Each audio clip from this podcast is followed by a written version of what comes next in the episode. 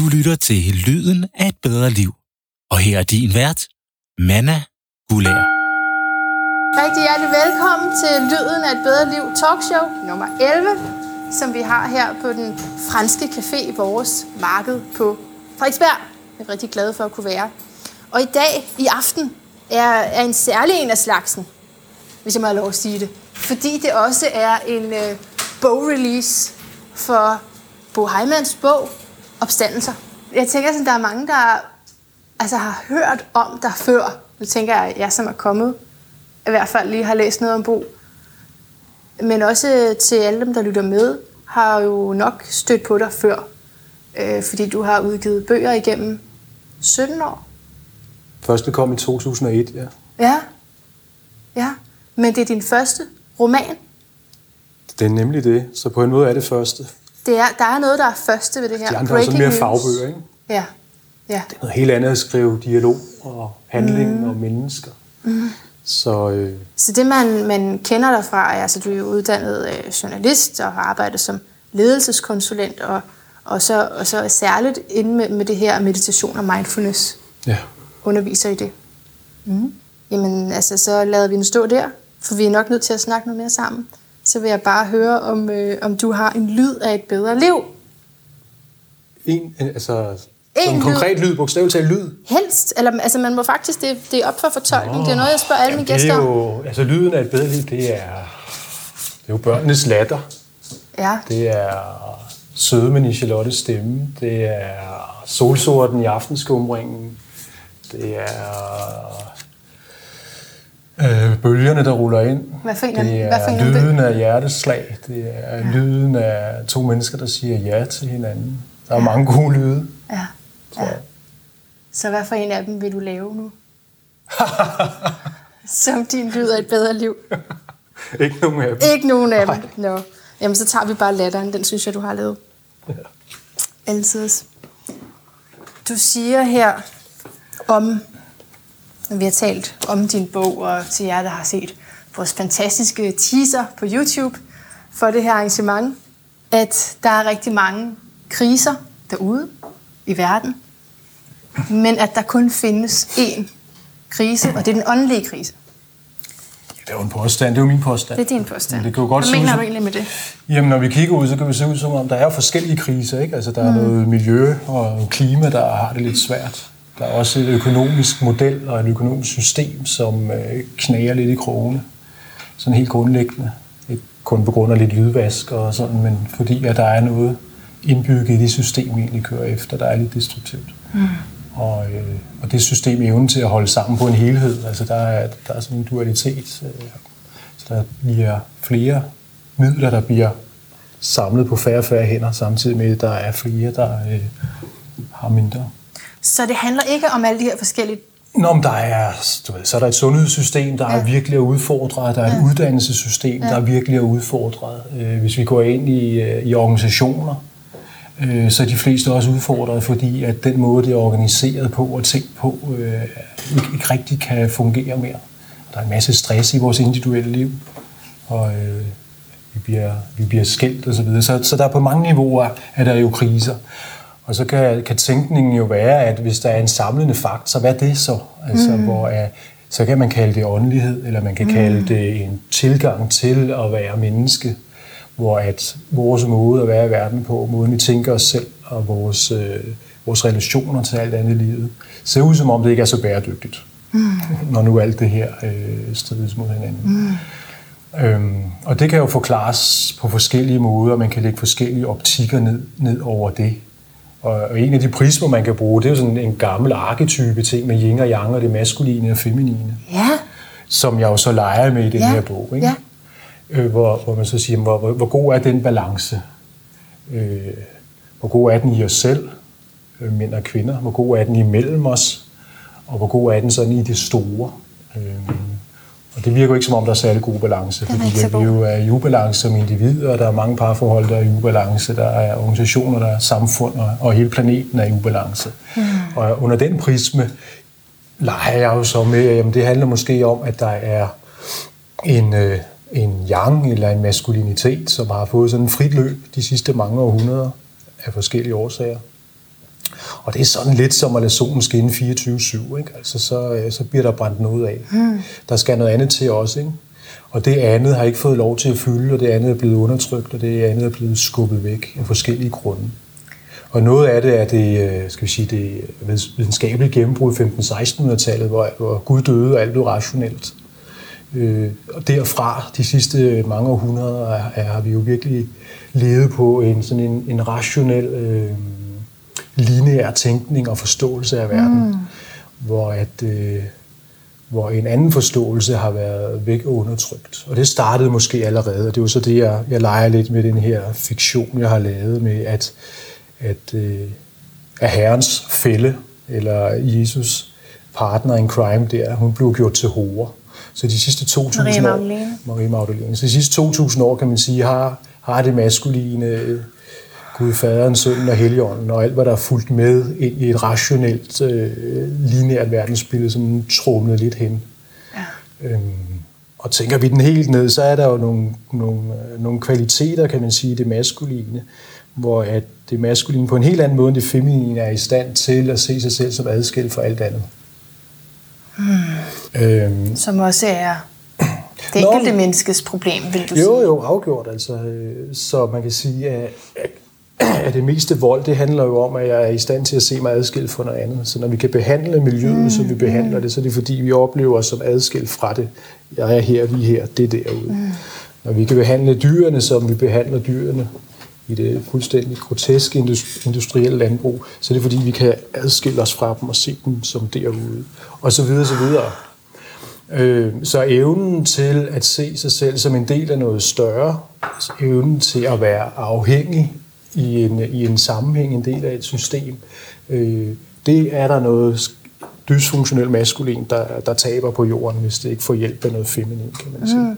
Og det er sådan lidt det, jeg leger med, og det har vi sådan taget 2000 og skubbet hertil, hvor det nu begynder at, at brænde sammen. Ja. Fordi du siger, at det er en dysfunktionel maskulinitet, men måske vi lige skal afklare, hvad maskulinitet og femininitet er. Fordi det er kun noget, jeg har været ved at øh, nærme mig selv øh, inden for et, et par år. Altså det har taget noget tid lige at forstå, at det ikke handler nødvendigvis om mand og kvinde, og hvad det er for nogle værdier, vi taler om, når vi taler femininitet og maskulinitet. Mm. Nej, nej, altså man kan sige, at øh, altså, ligesom Jung snakker om anima og animus, så øh, uanset hvilken krop vi er i, så har vi jo de her kvaliteter i os. Ja. Der er jo så øh, måske noget biologi, og nu skal jeg jo passe på, hvad jeg som hvid heteroseksuel mand siger, ja. men der er måske noget biologi, ja. og så er der absolut jo også noget kultur, der gør, at nogle forskellige kvaliteter i os øh, får fremtrædet. Og, og historisk har det jo været bundet lidt op på køn af den ene og den anden ja. grund. Men at vi hver især øh, mænd og kvinder øh, skal finde en balance i os selv med de her arketyper. Det er jo bare en leg. Så det er jo, øh, det er jo noget, et sprogbrug, vi, vi tager i brug for at kunne snakke om noget. Men, vi er nok nødt til at definere det lidt, fordi jeg vil nok have nogle øh, kvindelige lyttere, der sidder og tænker, ja, nu er der egentlig nogen, der taler om det. Han er da også dysfunktionel.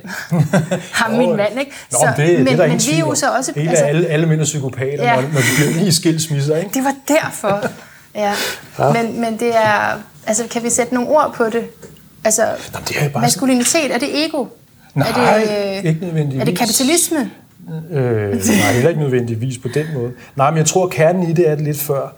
Øh, evnen til at se, at se sig selv som adskilt fra hinanden. I princippet, altså kunne stå selv uafhængig, ja. være klar, direkte handlingsorienteret. Altså mm. de der klassiske ting, hvor det er mere cirkulære, det forbundne, det relationelle, tilkender vi, eller kalder vi typisk noget feminint. Er der, der er også noget med struktur og, og mere det mere frie, ikke? altså struktur over i det maskuline. Ja, men altså jeg, jeg kender, at der er ret mange kvinder, der er fuldstændig kontrolfixeret ja, og strukturfascister. Ikke? Altså, ja. Så den er nok, jeg Jamen, ved ikke, hvordan den er glædet henne. Vi, vi er alle sammen vel er præget af det. Ja, ja. Så vi bærer jo alle sammen begge dele. Ja, men og det er heller ikke, fordi du siger, at maskulinitet er, noget negativt i sig selv. Nej, men absolut ikke. Det er jo dysfunktionaliteter. Ja. På samme måde er det feminine. Altså, hvis, ja. hvis det maskuline har et problem med at se sig forbundet med alt andet levende, så kan man sige, at det feminine er jo, så når det er i en ubalance, jo fedtet ind i relationer og ja. kan jo ikke kende forskel på mig og dig, og kan ikke sige fra, og du er lut, og hvor er jeg selv henne, og hvor er du henne, og hvor kommer det her fra, Ja. og hvem føler det her, er det egentlig mig, der føler det, eller føler du det, og sådan. Så der Det er jo frygteligt. Der er det, mm. ja. Jamen, det er det. Okay, ja. altså, Øhm, at man ikke Så ved- på den måde er der Ja. jo skyggesider til begge sider. ja, ja, ja, Obviously, ja, selvfølgelig. Ja, ja. Men der, er vi, der hælder vi lige nu til Ja, ja. en situation, Og så vi kan man sige, så er vi jo længere ude, så når vi ude i offeret og martyriet. Det er sådan den klassiske øh, feminine skyggeside. Okay. Ja. Jeg gør det, fordi der er ikke andre, der gør det. Så må jeg gøre det. Ja, ja, det, det er synd for mig, de er efter mig, Ja. og øh, der er ikke nogen, der værdsætter mig. Og, Ja. Yes. Så balancen Selvfølgelig. er det, du plæderer for. Nå, men jeg tror, at det plæderer, ja. Jeg tænker, at det virker som om, det er det mest sunde for os Ja, alle sammen, som ja. individer i et parforhold, Ja. i, i en organisation i, øh, i, og i samfundet. Så det er kuren mod den åndelige krise. Det vil være en balancering af det feminine og det maskuline, ja? Hvis vi bruger den her prisme til at sige, at den krise, vi er i, egentlig er en ubalance, så er det klart, at kuren er en reetablering af balancen. Men øh, det nøjes du jo ikke med at skrive. Nej, men det, det, den snak er jo så lagt ind i, øh, ind i en historie. ja, det er nemlig i 3-4 spor. Tre, så vidt jeg husker. Okay, det var tre. så har jeg selv lavet et ekstra. Ja. Øhm, som jo altså går tilbage til Jesu tid. Altså 90 procent af Jesua, siger du så her i, i bogen, Ja. Jesu ord, Ja. øh, i bogen er fra skriftsteder eller fra øh, apokryfe tekster, altså enten skriftsteder fra Bibelen eller apokryfe tekster. ja. Så det er kirkens egne kilder, du er gået til, men du fortæller en ganske anden historie, vil jeg nok mene, Ja, det er jo sjovest. da du så skal ligesom, fortælle hans, hans liv fra 12 til 30. Mm-hmm. Ja. Hvorfor, hvorfor gå tilbage til Bibelen? Ja, den er uomgængelig jo. Altså hele vores vestlige kulturkreds er jo dybt, dybt præget af den historie. Hmm. På alle mulige gode måder og alle mulige umulige måder. Så, så den interesse er jo, det er jo lidt nørdet, øh, når man sidder og, og dykker i sådan noget. Men det er jo en, på samme måde som at sidde og dykke i buddhismen eller de vedantiske skrifter, så er det jo for at, at prøve at forstå noget grundlæggende om menneskeheden. Og det er, jo, det er jo tidsløse, nogle af de skrifter. Og så er det jo også en, øh, en interesse for måske at forstå, og det er jo derfor, man begynder, eller jeg begynder at læse udenom Bibelen, altså de der skriftsteder, Ja. de apokryfe, som så endte ikke med at komme med i, i den bibel, der blev samlet og redigeret der i, jeg tror det var, var det 393, eller først er en bibel-bibel, ikke? Indtil Okay, da var der ja. forskellige skriftsteder i forskellige menigheder og sådan noget. Okay. Øh, fordi at den historie, som kirken har fortalt, øh, er jo en historie. Mm. Øh, og så er det jo, hvad, hvad, hvad kan der ellers være historie her, når man mm. begynder at læse noget af det, der blev kastet af. Ikke? Er det blandt andet uh, Thomas evangeliet? Det- Thomas evangeliet ja. er jo et af de fantastiske skrifter, der er, ja, det blev jo først fundet her i midten af 1900-tallet. ikke? Hvad, hvad har det gjort så, at det ikke er kommet med i Bibelen? For hele forståelsen? Jamen altså, man kan sige, at nogle af de apokryfe skrifter har jo simpelthen øh, jo nogle tilgange, nogle grundlæggende holdninger, en filosofi, som jo der ikke var flertal for, kan man sige, i de magtkampe, der nu engang var imellem øh, ledende skikkelser inden for de kristne menigheder. Ja. Øh, Så det er jo noget med, øh, hvor, øh, hvor guddommelig skulle Jesus være. Var han, var han lidt menneske, eller var han slet ikke menneske? Hvilken rolle skulle Marie Magdalene overhovedet have? Skulle hun have nogen, eller hvad var hun for en? Mm. Øh, reinkarnation kontra genfødsel, øh, sådan nogle ting. Altså, så der er jo sådan nogle flere grundlæggende øh, arvesynden eller ikke arvesynden. Altså, hvad handlede korsfæstelsen egentlig om? Og der, er- der er jo sådan lidt divergerende ting i de her forskellige skrifter, hvor, hvor, hvor kirken så i de første 300 år har jo øh, debatter og indbyrdes magtkampe, og du ved, det er ligesom et politisk parti, der skal skrive partiprogram. Ikke? Altså, så er der jo nogle fraktioner, der bliver skilt ud. Øh, og så er der til sidst noget, af, at de tilbagelevende bliver øh, enige om, og så er det ligesom det, der får stemplet, at det, det er det, vi tror på. Ikke? Altså, formulering af trosbekendelserne Ja, og ja. alt sådan noget. Ja, ja. Det er jo en lang redigeringsproces. Ja, Men mindre man selvfølgelig tror på, at Bibelen er, er Guds ord fra enden til anden. Og det er der jo nogen, der gør. Altså, det er jo også virkelig ømt, det, det her, øh, altså de her skrifter, at gå ind og, og skrive en roman ud fra det. Du, du rører jo ved noget dybt i, i troende mennesker i hvert fald, ikke? Jo, sådan ortodox kristne vil jo, mm. vil jo nok synes, at jeg voldtager deres Ja, religion. sikkert. Det er måske heller ikke særlig pænt, det her. det kan godt være. Altså, fordi jeg...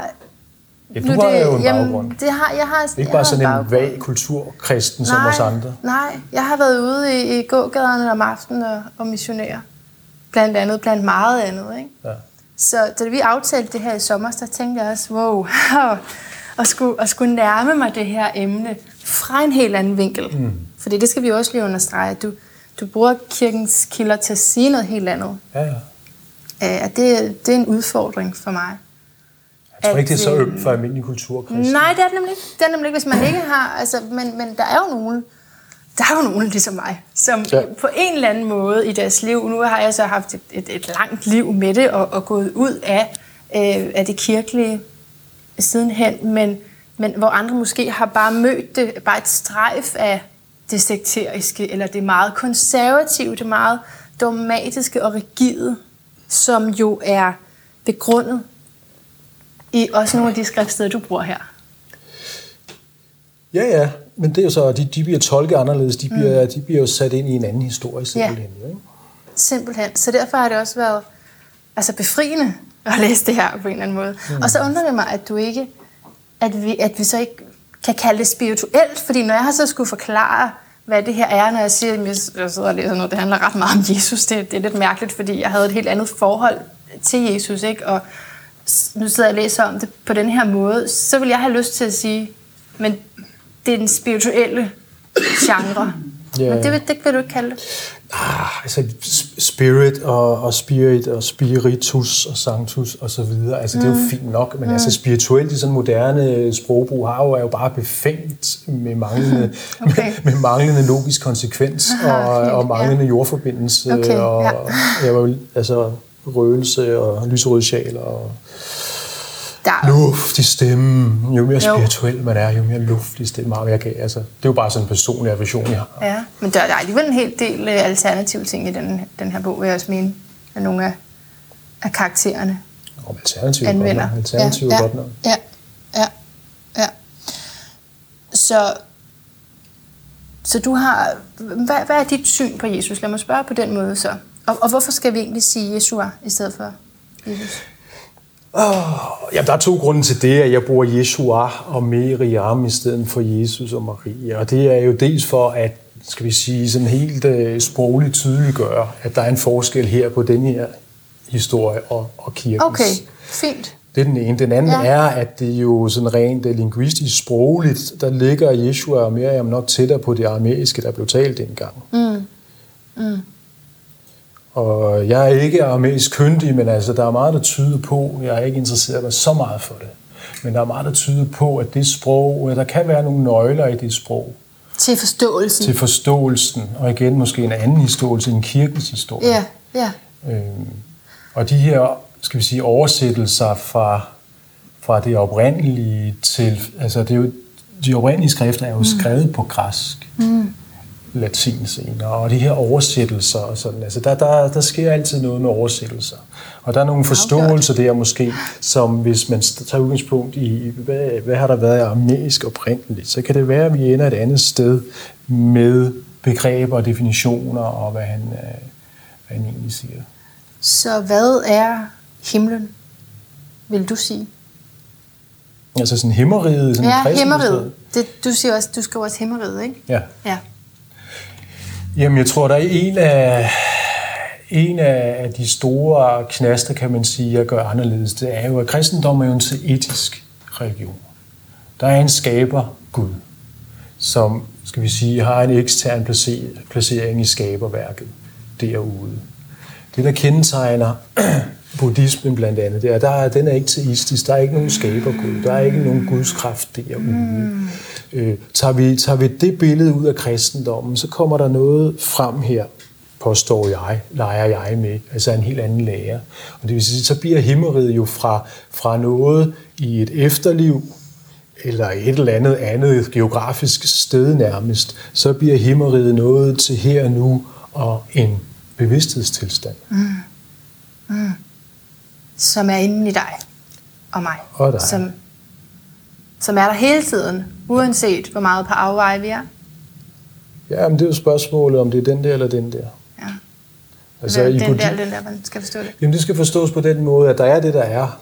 Ja. Og med en øh, bevidsthedstilstand, så øh, er det helvede, det her, eller samsara. Eller også, så er det faktisk nirvana eller himlen. Det er i sindet, det hele foregår. Og du har aldrig været optaget af, eller forført til at tage kirkens version af, at, altså, som jeg nærmest, altså jeg- forstår det som et fysisk sted, kirkens version. Ja. Altså så, så er himlen et, det, der, hvor man, altså, fy, så meget fysisk, som man nu kan komme hen som, Ja. som død, som sjæl. Ikke? Som Øh, sjæl, ja. Ja, så, så det er jo et, et sted, Men jeg har aldrig, jeg, mine, øh, om jeg har været, hvad? hvad? Jeg, har, Ja. aldrig- jeg tror aldrig, jeg har forstået konceptet. Nej, nej, det har ikke tiltalt dig. Øh, jamen, tiltag, det er jo sådan en mærkelig... Ja, det ved jeg ikke. Nå, men jeg tror bare simpelthen aldrig, jeg har forstået det. Jeg tror jo et eller andet sted, at øh, buddhismen, som jeg jo så er rundet af, mm. er jo sådan lidt øh, kælderkold, pragmatisk, rationalistisk. Så det er sådan lidt, øh, hvilken sjæl? Er den lidt maskulin? Hvilken øh, Er den lidt himmeri? maskulin, buddhismen? Mm, rationalistisk? Nej, det tror jeg ikke. Der er jo stor, stor... Nej, altså der er jo nogle grundlæggende altså, belæringer i buddhismen, der jo egentlig handler om, at der er ikke noget, der er adskilt fra andet. Så med den her prisme, så er det jo meget, mm. meget feminin. Altså der er mm. ikke noget singulært. Alt er en del af andet. Og alle oplevelser er en adskilthed af en illusion. Øh, men, øh, men himmeri et andet sted, og, øh, og det her med kødets opstandelse, altså der, der er bare noget der, der, der bliver sådan lidt svært, øh, hvis man sådan kigger efter. Og så er det jo Hvordan, så... hvor, og, og, Ja. ja. Jeg har aldrig helt forstået det. Får man så sin unge stærke krop igen, eller er det, er det den Det er krop, op- man har på dødstidspunktet, man slæber videre? Det er op til ens egen fantasi, tror jeg. Hvad Nå. man, altså, fordi man ikke ved det, man ikke kan få svar på det. Man er nødt til at dø for at finde ud af det jo. Ja, ja, Ja. okay.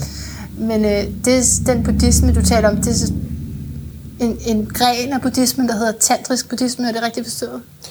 Jamen, altså, den tibetanske buddhisme er tantrisk i sin grundfilosofi. Okay. Ja.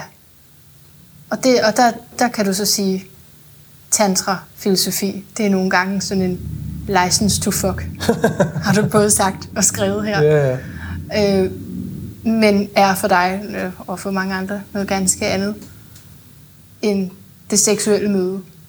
ja, altså det er jo energi.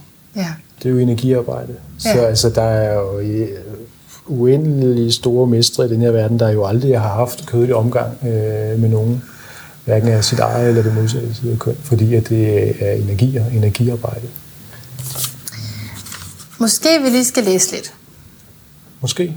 i den her roman af dig. Øhm, det kan være, du skal bladre. Jeg tænker på, øhm, på noget, hvor at hovedpersonen møder Tara. Ja, Har jeg skrevet et sidetal op til det? Det har jeg vist. Mm-hmm. Jo, det er side 51. 51. Ja. Fordi det er, så den, det er så den historie, fordi vi fik sagt, at der var tre spor, og det her det er så den historie, der er nutidig. Ja. Hvor øh, hovedpersonen, er han taget til Indien? Han er inde i Indien, Ja. jo, ikke? Han er i Indien for at Han, møde øh, Eckart Tolle. Ja. Som jo også er meget spændende. Så han er der. Ja. Og så møder han en. Mm, hvor læser jeg fra? Du læser fra... Øh, jeg har ikke fået spurgt dig, hvad du hedder. Okay. Jamen, øh, vores, øh, vores øh, hovedperson her, han møder så den her endnu ukendte, unavngivende øh, fremmede kvinde udenfor. Mm. Øh, efter de begge to så været inde og høre lidt på Eckhart Tolle her. Jeg har ikke fået spurgt dig, hvad du hedder, sagde jeg. Navnet er heller ikke så vigtigt, sagde hun smilende. Jeg hedder Tara. Farven afhænger af dagsformen. Det er sådan en indforstået vits. Øh, hun kiggede på mig. Jeg vidste nok om den tantriske buddhisme til at vide, at Tara er det feminine aspekt i Buddha. Der var flere forskellige Tara med forskellige farver, der repræsenterede forskellige kvaliteter. For eksempel den grønne barmhjertighed og den hvide sundhed og langt liv. Fortæl mig om farverne, bad jeg alligevel, mens det slog mig, at denne smukke kvinde åbenbart skulle lære mig et eller andet vigtigt. Mit hjerte hamrede nervøst, imens min krop brændte efter hendes. Hun indvidede mig i farven og symbolikken under den frokost, jeg tog mig sammen til at invitere hende på. Vi tog et måltid uden for nummer i Chojivalas strålende indiske vegetarkøkken med spidskår med frydefulde mængder i såserne og hele hvidløgsfede på en andenbrødene. Med den gode smag af livet gik vi sammen på opdagelse blandt smykker, seje, tørklæder, skjorter, tæpper og bøger. Jeg overvejede mere end en gang at sende en container hjem på akkurat samme måde som der for år tilbage faldt i svime over tilbudene langs Thailands grænse til Bømer og Laos. Også denne gang blev det kun med tanken. Der er ikke meget krammer i mig, når det kommer til stykket. Jeg var oppe i skyerne over at være i hendes selskab. Mit greb efter hendes arm i boghandlen var stadig den eneste gang, vi havde rørt ved hinanden, men hun var en regulær oplader på mit system. Samtidig var jeg bange for, at det skulle slutte lige så hurtigt, som det var begyndt, for jeg havde en intuitiv fornemmelse af, at vores samvær aldrig, aldrig ville blive til noget, der ville komme til at ligne en almindelig relation. Om natten drømte jeg igen om hende, om tårnenes fald, om jeg fik hovedet revet af, som en blodmetafor for ikke at formode at få min krop, følelser og handlinger til at hænge sammen med mit hoveds viden. Talk but no walk. Jeg blev pint, og så kvinder, børn og dyr blive pint. Vi vågnede tiden med klistrede øjne, øh, til lyden af tændets klokkespil og løbende aber på taget. Ja. Ja. Og fin beskrivelse både af, af Indien og det her møde. Så hvad er det, hovedpersonen møder her, repræsenteret af Tara? Jamen det, det, jeg leger med, med denne her personificering, det er jo, hvad skal vi sige, at det er jo det feminine i sig selv. Mm. Det er kvinder til alle tider. Mm. Kvinden med stort K, som han er heldig at møde. Mm. Og som man jo så tager sig sammen til at, at lytte til. Men det er jo bare det, der er interessant, for det er jo ikke, altså det er jo ikke bare et, et møde med en mand, det er jo en spirituel oplevelse, eller nu er det så mig, der siger spirituel, åndelig, ikke? åndfuld jo, jo. oplevelse. Men det er jo det potentiale, der er i vores møder med hinanden. Med hinanden eller i, i et parforhold? Jo, men altså med hinanden, og så i særdeleshed i parforhold, for det er jo der, vi kommer tættest på. Det er jo der, vi, mm. hvad skal vi sige, mm. hvor ilden brænder, brænder vildest, eller mest konstant, hvis vi tør. Så hvad... Det er noget med tillid, ja. så vi tør åbne op til det. Så hvad er det, der, der er potentiale for i den nære relation?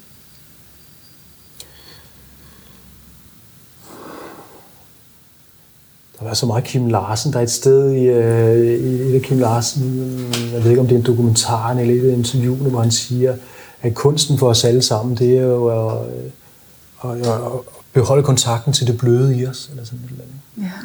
ja. Øhm, ja. ja. Og, øh, og det at, øh, at ture det bløde i os, ture ensomheden, ture overgivelsen, ture hengivenheden, det vil sige, det er det, øh, verden mangler et langt stykke hen ad vejen. Ikke? Det er det, det, vi mangler som individer, det er det, vi kan mødes om. Øh, at kultivere, øh, kultivere det i, i hinanden. Så det er det, der er potentialet. Jo. Og så øh, bevidsthed. Jo. Potentialet af bevidsthed? Potentialet i at kultivere bevidsthed, fordi mm. vi kan jo gå rundt og gemme os på alle mulige måder i verden. Og på mange måder er det letteste i verden, det er jo bare at, at være den, jeg er. Sådan er jeg, sådan har jeg altid været, sådan bliver jeg ved med at være. De spejlinger, vi får, kan vi jo bruge mere eller mindre afhængig af, hvad vi har lyst til og hvad vi tør. Og vi får jo de tydeligste spejlinger for dem, vi er tættest på. Ja. Og der, hvor der virkelig er hvad skal vi sige, både passion og emotioner i spil. Og de spejlinger øh, er, er, jo det potentiale, vi kan, vi kan hjælpe hinanden med. Som kan være svære at øh, klare lige. Mm. Er det også det, du taler om, når du siger, at, at kvinden kan opløse mandens unyttige tanker? Ja, det er. Mm. Nå, men jeg tror, det er en banal observation. Altså, mænd uden kvinder, det er skidt. Det på verden. Altså, der er et eller andet, der går galt for os. Sig noget mere om det. Jeg Nå, bare det, sige det flere nå, det er sådan en helt, det er, fuld, det, er så, det er sådan en helt lavpraktisk konstatering. Altså, hvad, hvad, hvad, hvad er det... Altså, det, øh, en, en mand, der er elsket af en kvinde, det er ikke ham, der går ud og slår nogen ned lørdag aften. Det er ikke ham, øh, der starter krig. Det er ikke ham, der alt muligt går i hundene med sig selv. Alt muligt. Altså, og der er et eller andet der jo, hvor man kan sige, at det maskuline i sig selv, og evnen, hvilket er en kvalitet øh, til at stå selv og leve på en sten men altså, kvinden kan jo noget, ikke? Altså, hvis vi giver hende et hus, så får vi et hjem. Hmm. Og hvis vi giver nogle råvarer, så får vi et måltid mad. Nu det, hvis, vi giver, hvis, vi giver, hvis, vi giver noget, hvis vi giver noget sæd, så får vi nogle børn. Ja. Øhm, og, og hvis vi giver vores kærlighed, vores overgivelse, så får vi noget tilbage, som vi ikke kan løfte selv. Jeg er glad for de, de, de udbrud, der kommer her, fordi så er det ikke kun mig. øh, som, altså, men fordi det er så, fordi du Men, taler om femininitet. Du taler om kvinden. Det er kvinden med, med stort K. Ja, ja. ja, ja. Nu, det... nu blev det sådan meget konkret. Men altså, det er jo ikke, fordi der ikke sker noget den anden vej. Altså, det feminine er jo lige så meget brug for noget af det maskuline, selvfølgelig. Ja, men det er bare for at sige, det er jo ikke alle kvinder, der lige er gode til lige at altså, give hende et, et hus, og så har du fået et hjem. Altså, det er jo ikke sådan. Nej, nej, der er jo noget af det her. Altså, det, det er lige før, man ikke tør at sige det i 2018. Ja. Kan du sige det? Nej, jeg har lige sagt det. Okay, fint. Så skal du ikke sige det igen. Nej, det er der ingen grund til. Øhm, ja. Så, så hvad, hvad parforhold har at gøre med den indre eller den åndelige vej, det er altså, fordi du siger, det er der, der er allerstørst potentiale for, at den enkelte kan udvikle sig gennem de spejlinger, der opstår i parforholdet. For de fleste af os er det øh, vejen. Altså der er de færreste af os går i kloster, eller sætter os op i bjerget og, og, og, og, og leger med de her polariteter i os. Skaber den balance alene ved at arbejde med os og få noget sparring fra en mester. Det er energiarbejde, det her. Det er at skabe de balancer i os. Få kastet lys på skyggesider osv. Vi har alle mulige vokabularier, vi kan bruge ind i det. Parforholdet øh, kan være en smelte, altså det er jo alkemi. Det er der, at øh, sten kan blive til guld, hvis vi tør det. Mm. Mm. Det er derfor, det er så svært. Det er der, hvor det største potentiale er. Det er også der, hvor de største faldgrupper er. De største udfordringer, ja, som man præcis, skal igennem præcis. for at kultiveres. Yes. Og man kan ikke gøre det som single. Jo. Ja. Det er bare svært. Og sværere for de fleste af os. Det kræver en enorm dedikation. Det gør parforholdet også. Det er bare ja. mere altså, til at gå til for de fleste af os. At, øh, at deal med det alene er en... Uh, Ja, det er også svært. Jamen, er det, er det en, en del af dysfunktionaliteten, at, at der er sådan en stor singlekultur, som der er i dag? Det kan man lægge mange, øh, mange ting ned på. Altså man kan sige, at der er jo selvfølgelig en, øh, noget historik, hvor vi har været afhængige af hinanden på for, forkerte måder. Mm. Altså nogle har været afhængige af nogle andre af økonomi, social status, og nogle har været afhængige af nogle andre med at have nogle følelser og, øh, og tilgang til et følelsesliv og, ja. og til, øh, til en familie og sådan noget. Ja. Og på den måde, de afhængigheder er jo fantastiske af, at det er blevet opbrudt. Men at der er så mange, der ikke kan, eller i situationstegn, fravælger parforhold og har så svært ved det, øh, kan, kan jo godt tolkes som et udtryk for, at, øh, at, at den smeltedeal og de konfrontationer, de spejlinger, vi får, altså, det er jo ikke rigtig nødvendigt at finde sig i det ubehag mere, fordi vi kan bare gå videre. Vi kan klare os selv. Eller swipe videre. Ja, på godt og ja. ondt. Ja, ja, ja. Så nogle gange, når jeg vælger mig selv, så er man faktisk måske ikke helt den udgave af sig selv, man kunne have været, som hvis man havde været i, hvis man havde gået vejen i et parforhold. Altså, det, jeg skal ikke sidde og missionere, der er kun én vej til, øh, til noget. Men, øh, men altså, jeg tror, vi, vi ved, jeg tror, vi alle sammen ved et eller andet sted, at når jeg bakker på denne her, eller når jeg går udenom det her, så tror jeg godt, at vi et eller andet sted ved, om det er fordi, at jeg egentlig er bange for noget, eller mm. om jeg tilvælger, tilvælger mig selv. Vi har en eller anden sted i denne her med, at det er simpelthen øh, det er for ubekvemt for mig at konfrontere denne her Øh, så så den, øh, den går jeg lige med alene i ene rum, sådan set, eller gemmer den lidt væk, eller håber, at hun glemmer det til næste uge, og ikke tager det op igen, og, eller, eller er helt bare ikke inde i et par hvor jeg er fri for at få de spejlinger. Det føles mange gange nemmere. Ja da. at være selv. Selvfølgelig. Kigger ned på min kæreste. Okay. Mm. Øhm, men, men hvis lige komme lidt tilbage til det her med, med eller det er jo det, du taler om med det parforhold og så, og så det åndelige. Men, mm. men i historien her, så de forelskede følelser, som, som hovedpersonen så får over for Tara, er jo er fuldstændig tilsvarende dem, man kan, kan opleve over for en spirituel leder, som, så vidt jeg husker, hovedpersonen også oplever over for Eckhart Tolle. Ja, jo, altså kærlighed øh, er jo nogle gange... Øh, ingen, altså, så er det jo ikke en forelskelse dybest set. Så er det jo mere en, øh, en kærlighed, en, øh, en hengivenhed. Og den kan man jo godt føle over for, øh, for mennesker i ens liv, som øh, besidder en visdom, som ikke nødvendigvis er sådan en eros-kærlighed, altså en fysisk tiltrækning på den måde. Altså, jeg kender den rigtig, rigtig godt fra, fra det kirkelige miljø, ja, ja. fra især fra, fra min, min tid i frikirken, hvor det også er noget, der bliver, bliver dyrket, men altså, jeg synes, det var enormt positivt, og det var noget af det, jeg har, jeg har savnet, sådan mm. set. Altså, fordi det giver sådan et, et hej, og ja, det er sådan en beruselse.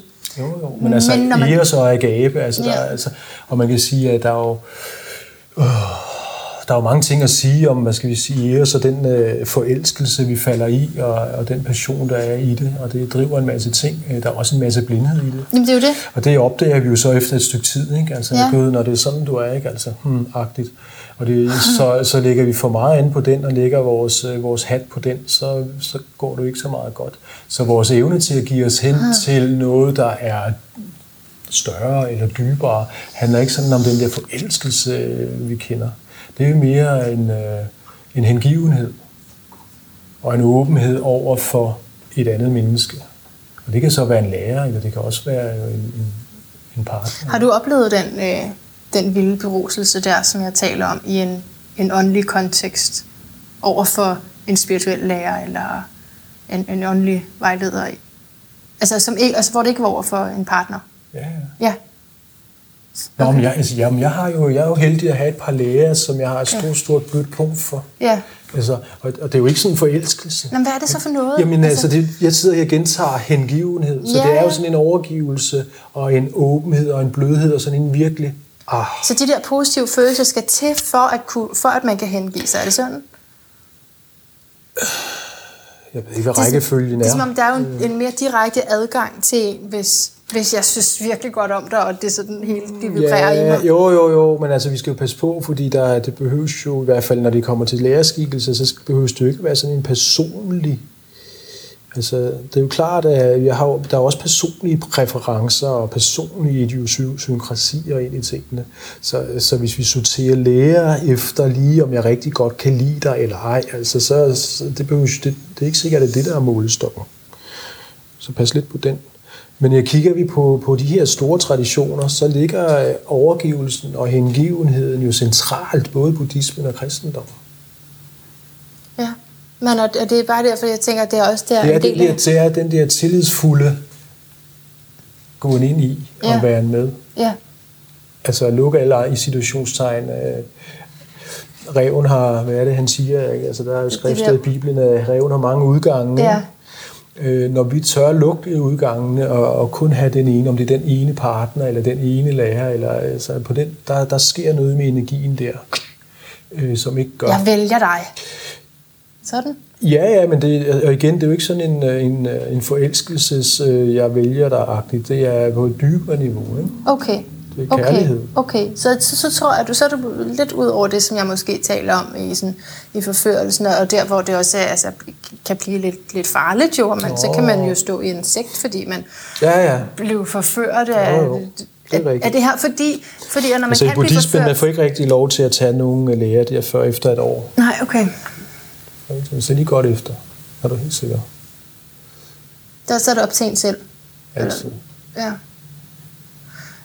Jamen, fordi jeg, jeg tænker, at faren opstår, fordi her er der endelig nogen, der taler om noget. Så hvis man har det der drive ind i den der mm. længsel efter nogen, der taler om noget, der giver mening, og det er også det, som altså, nu bare lige, hvis nogen af jer, der har bogen her, man så sidder og slår op i opstanden, så, så er det sådan, ah, dejligt, ikke? Fordi det, der er endelig, altså, der bliver talt ind til det her sted inde i mig. Ja.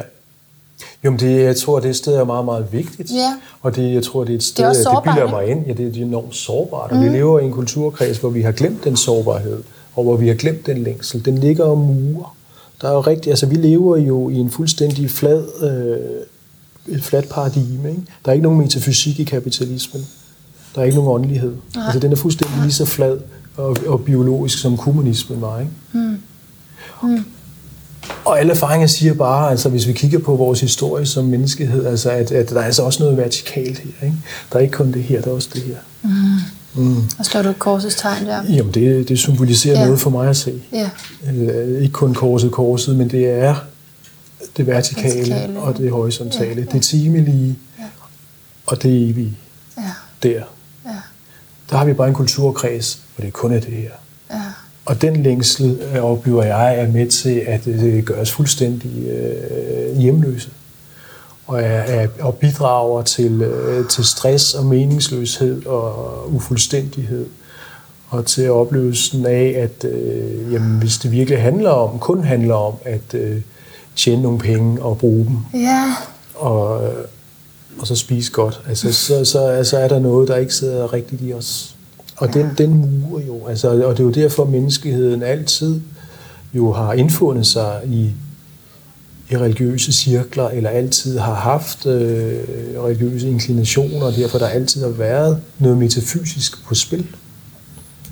Nu har vi bare i en øh, 300-400 år øh, nede i paradigme uden noget metafysisk. Og det bidrager også til, altså det er igen det der med, med forståelsen for helhed og sammenhæng og indbyrdes afhængighed, at det for mig at se, at det er en del af, at vi kan behandle miljøet sådan, og vi kan behandle dyrene sådan, og vi kan behandle medarbejdere sådan i organisationer, og vi kan behandle alle de, de andre, fordi der er en adskillelse. Fordi vi er hjemløse. For, nej, fordi sansen for, at der er noget, der binder os sammen, at der er en helhed, den er langsomt eroderet. Sådan, så man måske ikke kan mærke det der behov. Eller mange måske ikke kan mærke det. Ja, og vi øh, er jo slet ikke... Øh, jo, der er jo den der kulturkristendom, som vi vokser op i. Mm. Den er bare meget abstrakt og fraværende fra, fra mange af os. Øh, og der er, altså, altså, så den, den der religiøse inklination, som jeg, jeg tror, vi har som væsener, vi er slet ikke mødt af vores kultur. Jeg tror også, det er derfor jo, at... Øh, at, øh, så får yoga renaissance, mm. ikke? Altså, mm. og øh, når der dukker nogen op som Eckhart Tolle, så vælter folk af, huse for, for at lytte, og det er jo derfor jo også, at, at buddhistiske mester øh, har, har, har lyttende ører, og det er derfor, der selvfølgelig også øh, er folk i alle mulige andre religiøse traditioner, fordi den er, den er ikke til at, den er ikke til at komme udenom. Vi har jo bare et, et øh, altså magtparadigmet er bare fladt. Men nu til kultur. Kultur. Så kan vi lige snakke Indien, ikke? Ja, Fordi du har jo de her meget fantastiske beskrivelser, som man kan læse i din roman. Øhm, men der er også det her, enten elsker eller hader man Indien. ja men det er jo voldsomt. Det er, det er så voldsomt. Jeg behøver personligt ikke komme tilbage igen, sådan har jeg det. Ja, men det er Men hvor at jeg kan se, at dine beskrivelser er jo mere måske i den anden ende. Nå, men jeg tror jo, altså man kan godt tage til Asien, som jeg plejer at sige, og komme hjem igen og have det, have det fint. Altså, der, er, der er Indien bare noget andet end Thailand eller Bali. Og sådan noget. Altså, Indien er jo in your face. Ja. Ikke? Altså, fordi det er øh, på godt og ondt, fordi det er jo også lidelse. Men Ja. altså, du har død og elendighed og forfald lige der. Ikke? Ja. Der er for mange mennesker på for lidt plads, og Ja. duftene er voldsomme, og synsindtrykkene er voldsomme, mm, mm. og lydene er voldsomme. Ja. Så det er jo sådan et bombardement, hvor din oplevelse af personlig rum Ja. virkelig bliver udfordret. Ja. Fordi Ja, at går det, også tættere på hinanden. Det, det er jo helt fysisk, Ja. ja. og du har ind igennem næse, og alle sanser er det bare vunk, ikke? Ja. Øh, Og er der noget, vi går ud af her i Vesten, så er det jo mit personlige rum. Ja. Ikke? Jeg skal jo være mig og fri og selvstændig og, og kunne gøre, som jeg vil. Ja. Øh, og den der, øh, den bliver jo virkelig udfordret, øh, når det hele øh, falder sammen om ørerne på dig derude. Og ele- ele- elektriciteten går, og bussen dukker ikke op, og så kommer der en kravlende uden ben, øh, og, og der står nogle børn, øh, der sikkert ikke har fået mad i dag, og tigger og så videre. Det er Så voldsomt. uforudsigeligheden og mangel Så enten så, så bliver du stødt væk, eller også så, øh, så forelsker du dig lidt i, i noget, der måske er svært at beskrive. Mm. Men altså både det vedantiske, det vi kender som hinduismen, og buddhismen er jo vokset ud af, af det land der. Ja. Det er ret vildt. Ja. Altså, hvor øh, der er jo også noget i Mellemøsten, der er vokset ud. Men, så Indien har jo noget grundlæggende noget kultur. Og noget af det, man bliver mødt med, det er jo det er som sagt øh, sygdommen, forfaldet og døden. Øh, Og det, øh, det er jo tabuet her i vores kultur. Det er, det er flyttet ind væk på plejehjemmene. Og der, der er det in Og, your død, face. og, og døden er noget, vi, Ja. det er det sidste tabu nærmest. Vi vil hellere snakke om sex end døden. Men det er heller ikke, fordi svaret er, at det bare altså, skal være sådan nogle samfundsvilkår som Indien. Altså, Nej, det er ikke, fordi nej, de har, har nej, nej, draget nej. alt es- essensen og visdommen og, og udnyttet den til fylde. Mm, til fulde. Nej, det er nej, det. men det, der er jo bare noget i luften, der viser, at, at her er i hvert fald en kulturkreds, der ikke er materiel, eller i hvert fald ikke har været det traditionelt. Her er der en kulturkreds, der i bogstaveligt talt tusindvis af år har beskæftiget sig Ja. øh, med, med, med noget andet, med bevidsthed. Ikke? Ja. Og det, det er som om, det står og simmer derude, ikke? Som man kan tappe ind i, medmindre man bliver skræmt væk af døden forfaldet. Ja, det er nok der, jeg er. Men altså, jo, fordi jeg så jo også bare mennesker, som, øh, som overholdt sådan nogle meget altså, traditionelle ting. De ting, der skulle pyntes og røgelses, og altså, altså overholde de her ting, som vi altid har gjort, og der er fejringer Ja, ja. he- hele tiden. Ikke? Jo. Øhm, men at se den der, altså ja, det du taler om, med den bevidsthed, man kan tabe ind i, er det, måske skal man være et særligt sted for at kunne mærke den. Tror du det? Det ved jeg ikke. Det tror jeg nok. Altså, det, er, det er sådan en, øh, det er en enten eller med Indien, tror jeg, for de fleste. Ja, ja. Det må, Ja. hvor det er sådan lidt mere okay i resten af Asien. Hvad vil det sige at genkende sindets natur? Ja. For lige at tage den. Jamen, altså, sindets natur, virkelighedens natur, det er jo begreber for buddhismen. Virkelighedens og sindet, er det, det er ikke det samme, vel? Totalt det Det er samme. det samme. Virkeligheden og sindet er Ja. det samme. Og det kan hurtigt blive lidt filosofisk. Men tænkningen er jo, at, øh, som jeg sagde før, at du har både samsara og nirvana her. Det er både himlen og helvede her. Mm. Og det er bevidsthedstilstanden, der afgør det. Mm. Det er kun sindet. Det opstår i dit sind. Det er i dit sind. Så er- det og se igennem i situationstegn, eller se, hvad naturen egentlig er, når vi kigger godt efter.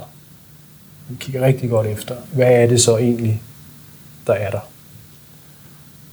Så svarer du måske lidt på det, altså med det her møde i Indien.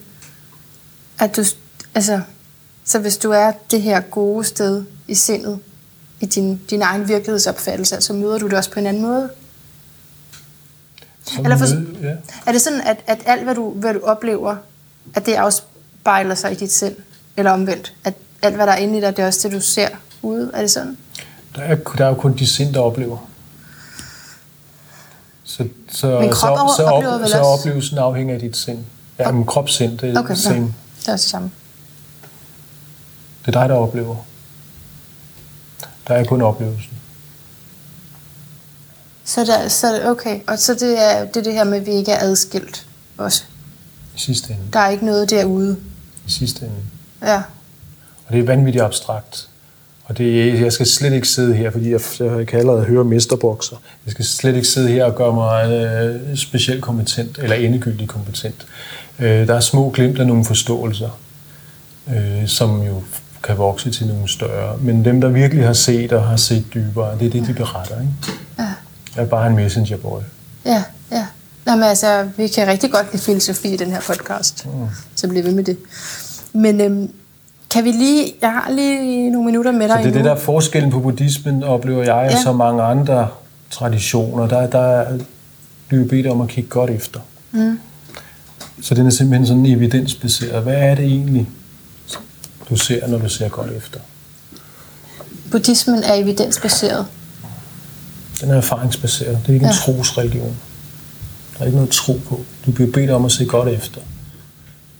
Så når vi ser godt efter, hvad er vores tanker så egentlig? Hvor kommer de fra?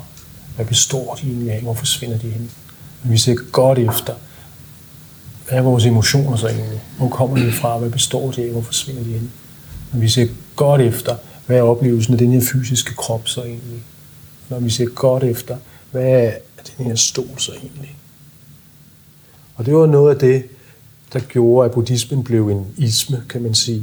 Fordi det Buddha modsat øh, den vedantiske tradition, Øh, og nu bliver det jo sådan lidt filosofisk noget, men den er jo meget sådan essentialistisk, ligesom kristendommen. Altså, at der, der er noget Der er en essens, essens. der er en Der er noget kerne, indeni. der Ja. er noget mm. evigt dynk der af den.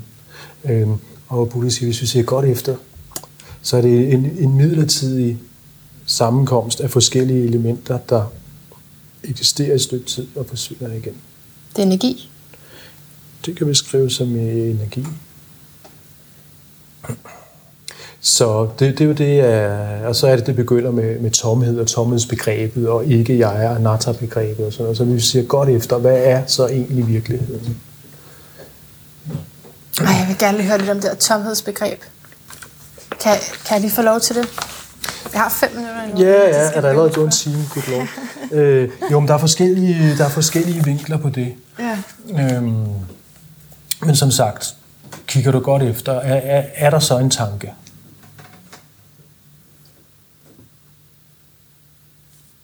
Altså, så skal man tænke, har jeg, har jeg en tanke? Ja, men hvis du bare kigger godt efter og opdager, at der er tanker her, der er historier her, der er tankebaner her, der, hvor kommer de egentlig fra? Hvad består de egentlig af? Hvor forsvinder de hen? Og på det samme måde med emotioner. Og der er erfaringen i buddhismen, når du kigger godt efter, så er der rent faktisk ikke noget. Der er en midlertidig ting, som vi antager for noget. Og det mest grundlæggende midlertidige, vi antager for noget, det er jo det her setup. Det er jo den her oplevelse af mig og jeg og mit. Hvor at øh, man jo i andre filosofier tænker, at der er en kerne her. Der er kerne inde bag alle mulige lag, så er der en kerne. Ja, den jeg virkelig er. Den jeg virkelig er. Ikke? Ja. Det er også derfor, det er så interessant, når yogalæreren har Buddha stående og snakker om dit indre jeg, og det du egentlig er, ikke? Altså med Buddha-statuen. Ikke? Han sagde jo det stik modsat. Buddha sagde det stik modsatte. Ja, så det, øh, så buddhismen retter opmærksomheden den vej og siger, hvad er den der idé om jeg egentlig? Hvad består den identitet egentlig af? Hvad, hvad er det, du baserer din oplevelse af jeg, mig og mit på? Og jo mere fast vi kan sige, at vi er i det, jo mere fixeret vi er i denne her jeg-følelse, jo, jo, kan man sige, jo mere fixeret er vi i, i en oplevelse af verden, og derfor så skal jeg have noget at forsvare, så skal jeg have noget at forklare, så skal der noget, jeg skal have, så er der noget, jeg ikke vil have. Og det er der smerten ligger. I længsten efter det, jeg vil have, frygten for at miste hvis jeg først har fået det. Det er det, vi kender hele tiden, hvor stort og småt. Ikke? Og der er det parforholdet jo igen er, er rigtig god. Ikke? Jo. Ikke? Når hun går ud af døren, ikke? kommer hun tilbage. Ja. Og lige præcis der, hvad, hvad, hvor, hvor er frygten henne? Den kommer fra det der jeg, der holder fast i noget. Men hvor virkelig er det jeg, egentlig hvis vi kigger godt efter? Så det er jeg, der skaber lidelsen. Totalt. Findes i virkeligheden ikke. Det er jo påstanden. Og så eller påstanden, som jo så ikke er et dogme eller et, et, øh, et, et tilbud, øh, der hedder den, kig godt efter, og så Ja. ja. lad os snakke om det, hvad du finder. Ja. For det kunne godt være, at det bare var dig, der identificerede dig med det, eller der var noget her, der identificerede sig med at være på en bestemt måde, og have nogle bestemte karakteristika. Ja.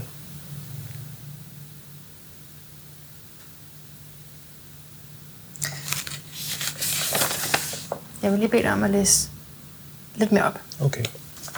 Og så er der altså snart spørgsmål fra de fremmødte her. Så side 124. 124. Ja. Hvad sker der der? Der var med andre ord ingen adspredelse. Jamen, jeg tror, vi er lidt tilbage i tiden, for lige at få det med os. Jo, nej, men det er jo nutidshistorien. Er det ikke? det? Ja, ja. Okay. Vores held er stadig i Indien her. Han er så øh, på det her tidspunkt i en ashram, hvor der jo er øh, sådan en rimelig rigid øh, Mm. øh, opdeling af døgnet. Ikke? Altså. Så der var med andre ord ingen adspredelser, hvilket grundlæggende, grundlæggende altid har været princippet for et hvert godt kloster. Dagligdagen skal gøres så monoton, punktlig, fuld af gentagelser som muligt. Med andre ord skal den være så hammerende kedelig, at sindet uden distraktioner kan rettes mod opholdets egentlige formål. Derfor bliver gæster også opfordret til at tale så lidt som muligt.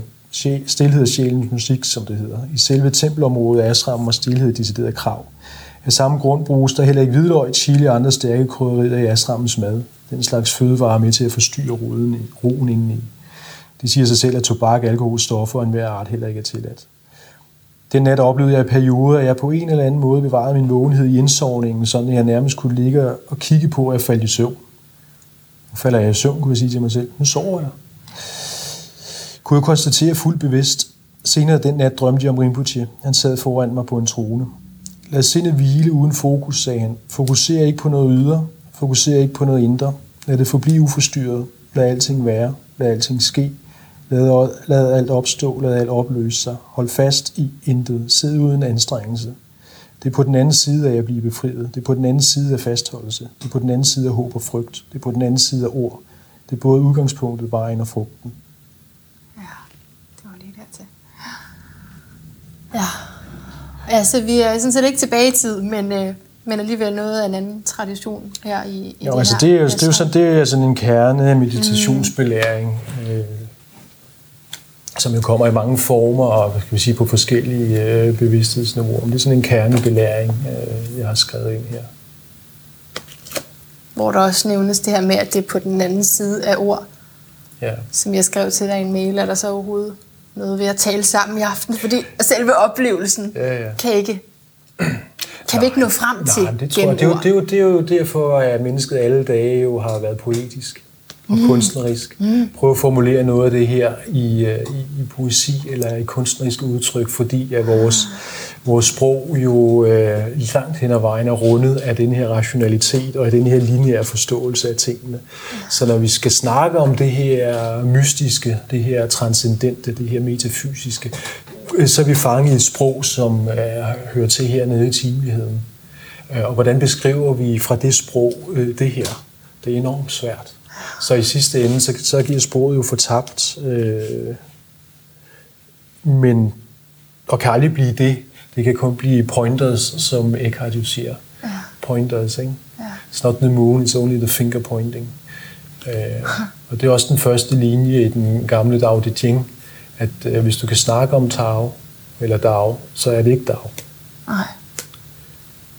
For det kan ikke sættes i sidste ende kan det ikke, men nu er jo sproget jo det, vi har, så vi kan jo prøve at kredse det ind, og vi kan prøve at, at snakke om det. Det er også derfor, negationer er i så høj kurs mange gange. Ikke det, ikke det, netti, netti, netti, heller ikke det. Øh, så er der noget tilbage, som vi ikke helt kan beskrive, men vi kan godt sige, hvad det ikke er. Ja, ja, ja. Det kan vi bruge sproget til. Godt.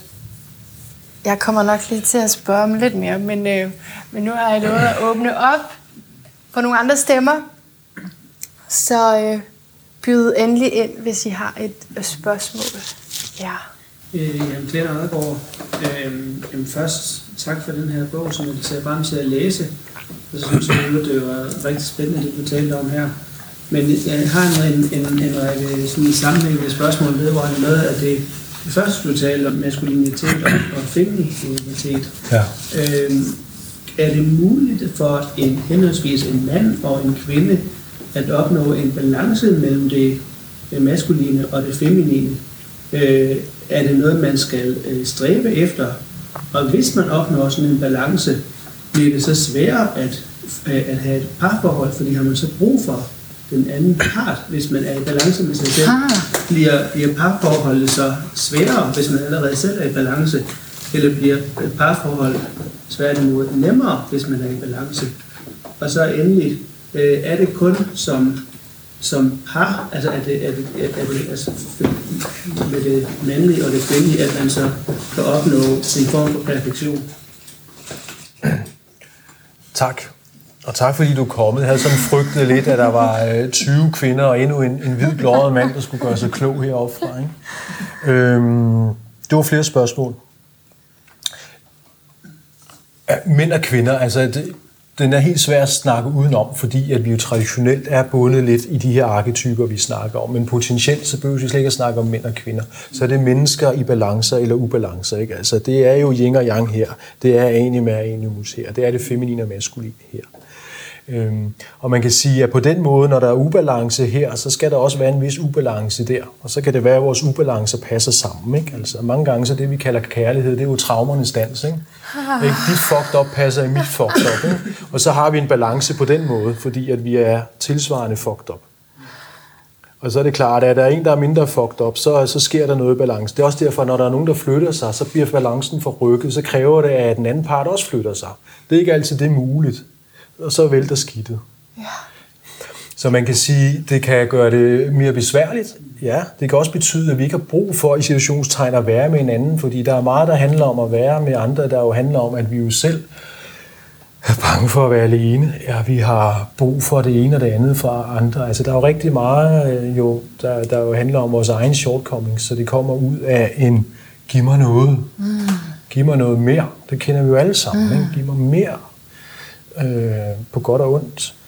Øh, så det kan give problemer jo, hvis, hvis jeg ikke har brug for så meget. Men det kan jo også godt være, at det der potentialet er, jo mere balance vi har i os selv, kan vi, kan vi hjælpe hinanden med det.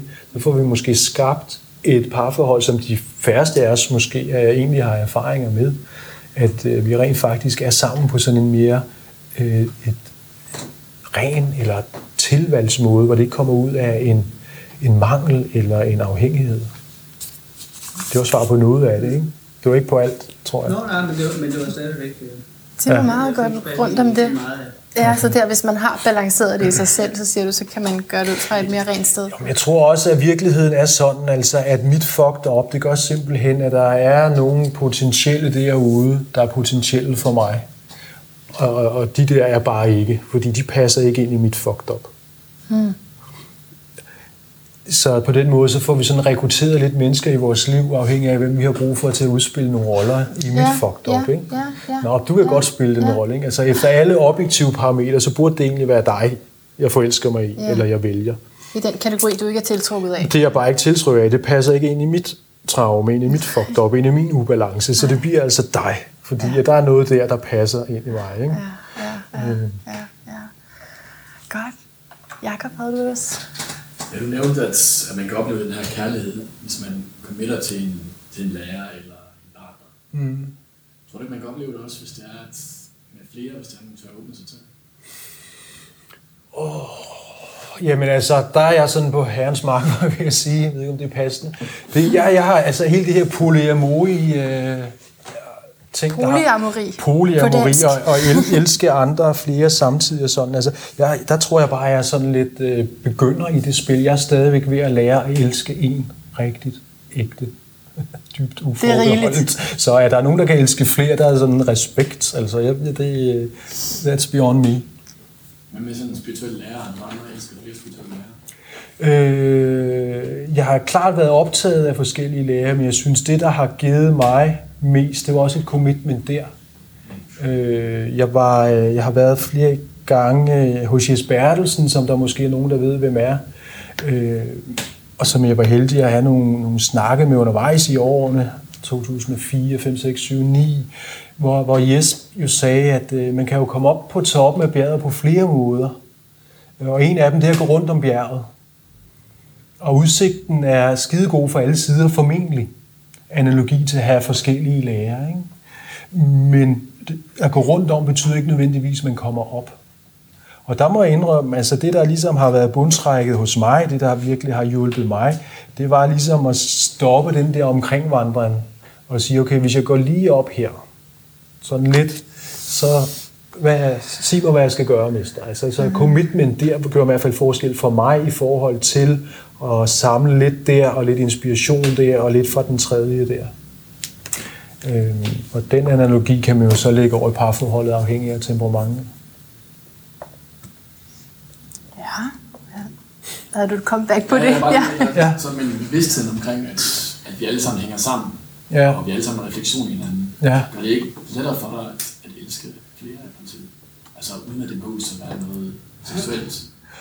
Øh, jo, men det er jo et spørgsmål, hvad vi siger elske, men altså, jeg er da på en anden måde, øh, øh, altså, man kan sige, tålmodighed er jo noget, der virkelig har flyttet sig i mit liv. Rummelighed, forståelse for andre, den slags ting, øh, som jo er en del af det at kunne elske. Det er klart en oplevelse af det. Det er klart, at jo mere igen den her fixering i jeg og min oplevelse af at være adskilt fra det derude, det gør ikke mig særlig tålmodig med det derude, eller særlig rummelig med det derude, eller særlig forstående for det derude osv. Så den opblødning af det, gør relationen øh, til andre helt andre åben og, og blødere. Jamen selv tak. Tak fordi du kom. Ja. Tak. Ja. Først så skal du have tusind tak for at tale om noget så kompliceret, men på Ja. så simpel en måde. Og i korte sætninger. Ja. Det er altså befriende. Mm. Så vil jeg høre dig, når nu har jeg nogen, der stillet spørgsmål om det private. Mm. Hvad med vores forretningsliv eller vores arbejdsliv?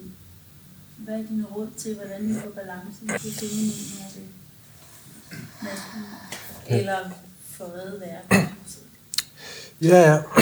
Jo, men øh, der er jo rigtig mange organisationer eller virksomheder i dag, der er også udfordrende, fordi at de oplever måden, at vi har gjort ting på indtil nu, måden vi har forstået os selv på, måden vi har organiseret os på, måden vi leder på, øh, efterhånden kommer til kort, fordi at der er øh, nogle udviklinger, der sker i verden. Så der er rigtig mange organisationer, der kæmper med, hvordan kan vi bruge os selv og hinanden bedre.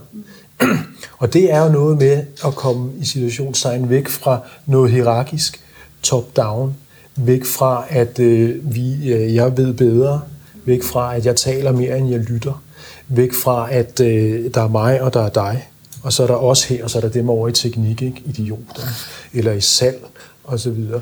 Så der er rigtig mange organisationer, der, der arbejder med også at få skabt en større lytteevne, en større tillidsbaseret øh, ting, som arbejder med purpose, altså hvad er det egentlig, vi er samlet omkring?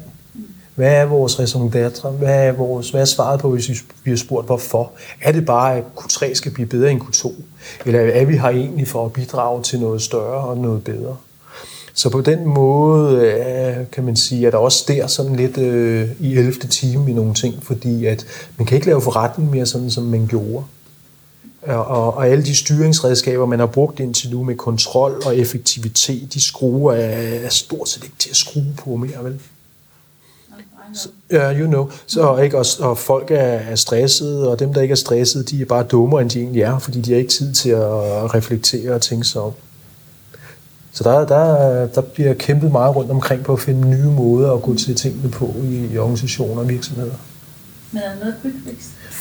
Eller kommunikationsfix? Kommunikation. Ja. Nej, så man kan sige, at der er i hvert fald ikke sådan en branding-kampagne, der kan klare det her. Vel? Altså, det er jo indenfra ud. Så det er jo i sidste ende er det jo mindset. I sidste ende er det jo en forståelse af, hvem er jeg som menneske? Hvem er vi sammen? Hvordan samarbejder vi? Hvordan får vi skabt noget øh, til, hvad skal vi sige, vores fælles bedste?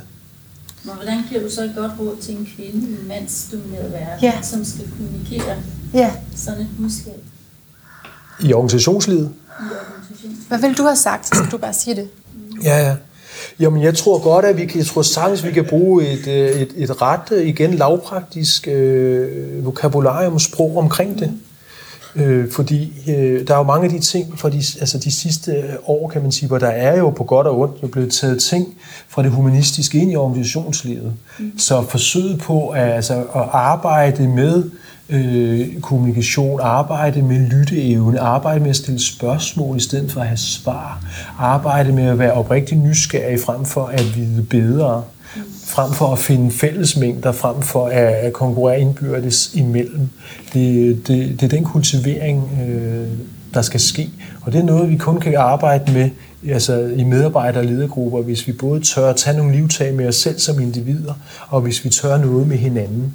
Og der kan være i situationstegn quick fixes, eller noget i hvert fald, hvor vi kan hjælpe os selv til at gå til tingene mere direkte, fordi det kan godt være, at vi ikke er så gode til at lytte, men hvis vi nu laver nogle bestemte øvelser, hvor vi rent faktisk lytter. Det kan godt være, at vi faktisk ikke er så gode til at stille spørgsmål, men hvis vi nu sætter en scene, hvor vi stiller hinanden spørgsmål, og så videre, så videre, så, så på den måde er der nogle greb, hvor vi kan begynde at, at kultivere nogle af de her ting.